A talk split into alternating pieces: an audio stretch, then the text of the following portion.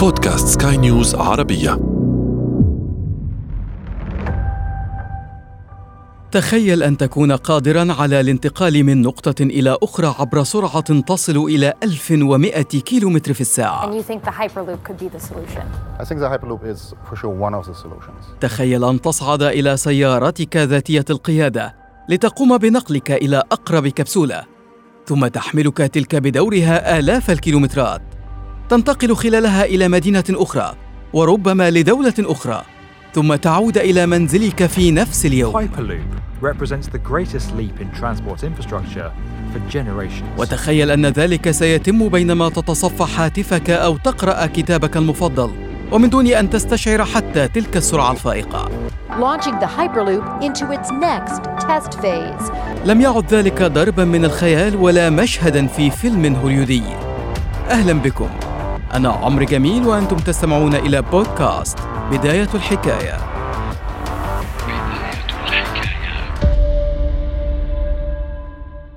في يوليو من عام 2012 كشف رجل الأعمال العبقري إيلون ماسك عن واحدة من تصوراته العبقرية المجنونة.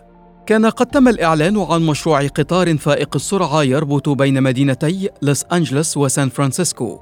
مدينتي ولاية كاليفورنيا الرئيسيتين. بسرعة تصل ل 350 كيلومترا في الساعة وميزانية تصل إلى 60 مليار دولار بحيث يتم قطع المسافة بين المدينتين في ساعتين وأربعين دقيقة تقريبا بدلا من ست ساعات. لكن ماسك لم يكن سعيدا بتلك الأرقام. اعتبر أن تلك سرعة بطيئة جدا. وقدم بدلا عن ذلك فكرة أخرى. هل هناك طريقة للسفر من وسط مدينة لوس أنجلوس إلى وسط مدينة سان فرانسيسكو أو من لوس أنجلوس إلى سان فرانسيسكو أفضل من القطار فائق السرعة الذي تم اقتراحه؟ لأنني عندما أفكر أجد أن القطار فائق السرعة سيكون غالبا أبطأ من أي قطار طلقة في العالم وأكثر تكلفة في العالم. تحدث ماسك عن تطويع النظريات الفيزيائية المعقدة. عبر تقنيات متقدمة لابتكار جديد في مجال النقل فائق السرعة. تقنية تجمع طائرة الكونكورد وقطار الطلقة وطاولة لعبة الهوكي الهوائية. أراد ماسك إنتاج تقنية تتيح السفر البري ولكن بسرعة الانتقال بالطائرة أو بأربعة أضعاف القطارات الفائقة السرعة وذلك كله من خلال أنابيب فارغة. بدت الفكرة غير واقعية لكنها نظريا كانت ممكنة. ومع إيلون ماسك لا يبدو شيئا غير واقعي.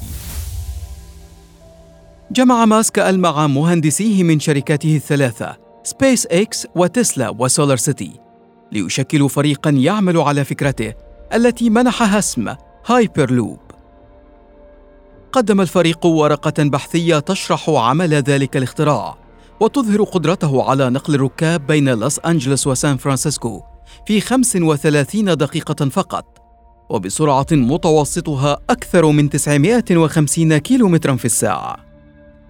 وأدت ثقة المجتمع العلمي والمستثمرين في إيلون ماسك لأن تتبنى شركة أوبن مادا والورقة البحثية تلك وتصمم برنامجا يحاكي نظام الدفع في هايبرلوب يساعد على دراسة كل جزء منه.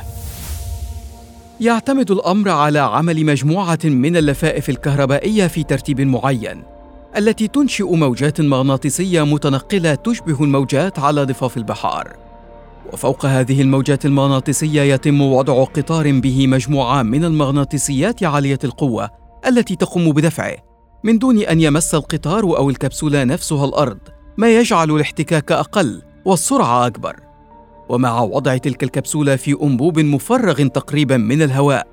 يعني ذلك انطلاقه بسرعة صاروخية قد تتجاوز الألف كيلومتر في الساعة.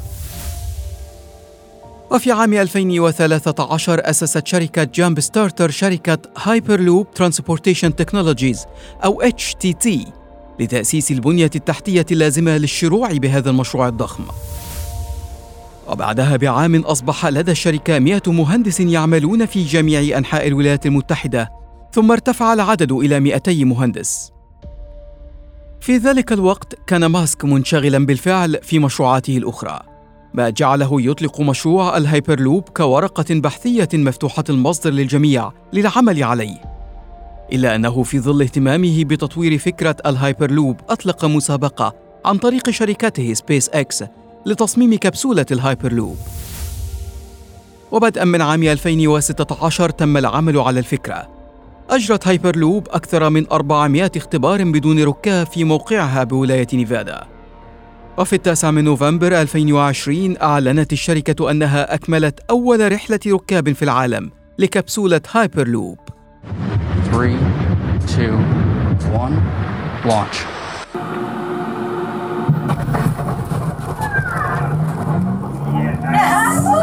Yes!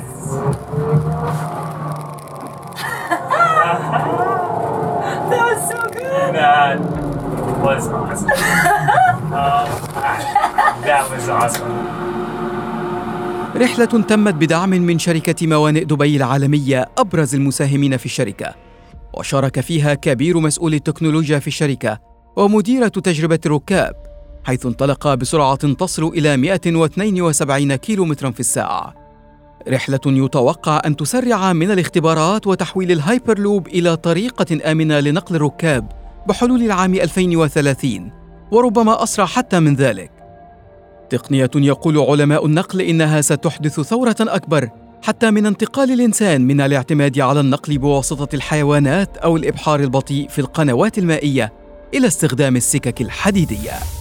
ويسعدني أن ينضم إلي في هذه الحلقة الأستاذ الدكتور أسامة عقيل أستاذ الطرق والنقل بكلية الهندسة في جامعة عين شمس المصرية. دكتور أسامة أهلا بك معي. أهلا وسهلا. دكتور أسامة هي تقنية ثورية بكل المقاييس لكن كيف تنظر إلى هذه التقنية تقنية الهايبرلوب التي يمكن أن تنقل البشر في وقت قياسي ولمسافات شاسعة؟ فعلا دي نقلة جوهرية جدا ونقلة فاصلة في تاريخ النقل في العالم كله لأنه وسائل النقل كلها الأرضية كلها كانت بحد أقصى بيتكلموا على 350 إلى 400 كيلو متر في الساعة إيه الطيران بيتكلم على فوق ال 1000 كيلو متر في الساعة الجاب الكبيرة دي العلم بقاله فترة طويلة جدا عاوز يعلى بوسائل النقل الأرضية إلى مستوى عالي يقرب من الطيران علشان خاطر النقل بالطيران مكلف جدا. صحيح. وغير متاح لكل حاجة. فعاوزين يخلوا النقل الأرضي يوصل لمستويات قريبة من الطيران. م. أما بدأ كلام التفكير في إن هم يعملوا قطار فائق السرعة ويحاولوا يكسروا الحاجز ده عرفوا إنه لهم حدود مش هيقدروا يعدوها اللي هي في حدود ال 500 كيلو متر في الساعة. وهذا الكلام جه بعد كده إيلون ماسك راح بالنظرية بتاعته قال أنا غير راضي عن السرعات دي مش ده اللي إحنا بنطمح فيه إحنا عاوزين نتخطى هذا الكلام. علشان نتخطى هذا الكلام الأبحاث طلعت إنه عاوزين يحاولوا يشوفوا إيه المعوقات لحدود السرعة. فوجدوا إنه أخطر حاجة في الأرض في وسائل النقل الأرضية اللي هي مقاومة الهواء ومقاومة الاحتكاك مع سواء ال rails أو القضبان أو ال tires أو أي حاجة اللي هي بيتحركوا عليها. عشان كده جت الفكرة بتاع الهايبر لوب. يعني في المستقبل في المستقبل يا دكتور بدل من أن أرسل إليك رسالة نصية عبر الهاتف المحمول مثلا يمكن أن أستقل الهايبر لوب آتي إلى حضرتك أسلمك ما أريد تسليمه يعني باليد ثم أعود إلى مدينتي التي قد تبعد عنك آلاف الكيلومترات في ذات اليوم.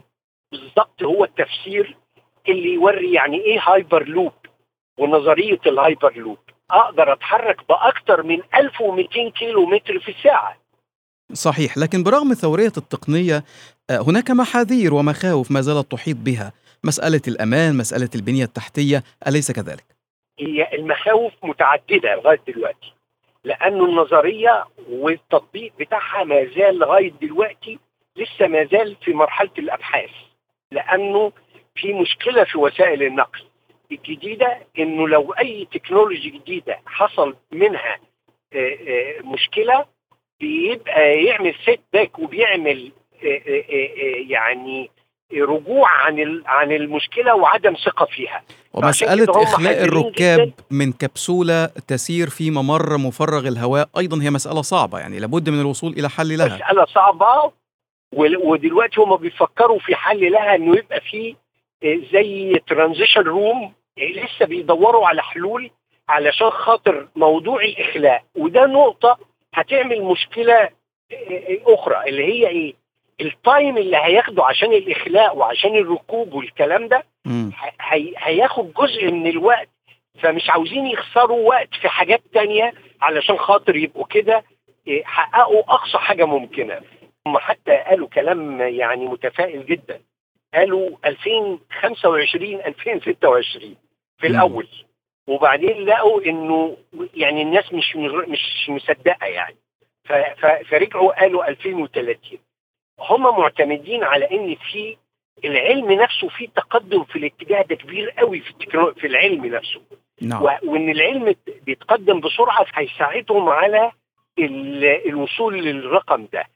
بالتأكيد هي تقنية ثورية. دكتور أسامة أشكرك على وجودك معي في هذه الحلقة. شكرا جزيلا. العفو شكرا. كما أوجه الشكر لمستمعينا الكرام وأذكرهم بأنه يمكنهم متابعة هذه الحلقة وغيرها من حلقات بودكاست. بداية الحكاية عبر منصات البودكاست المختلفة وعبر موقعنا الإلكتروني skynewsarabia.com في الختام هذه تحياتي عمرو جميل ألقاكم في الحلقة المقبلة. بداية.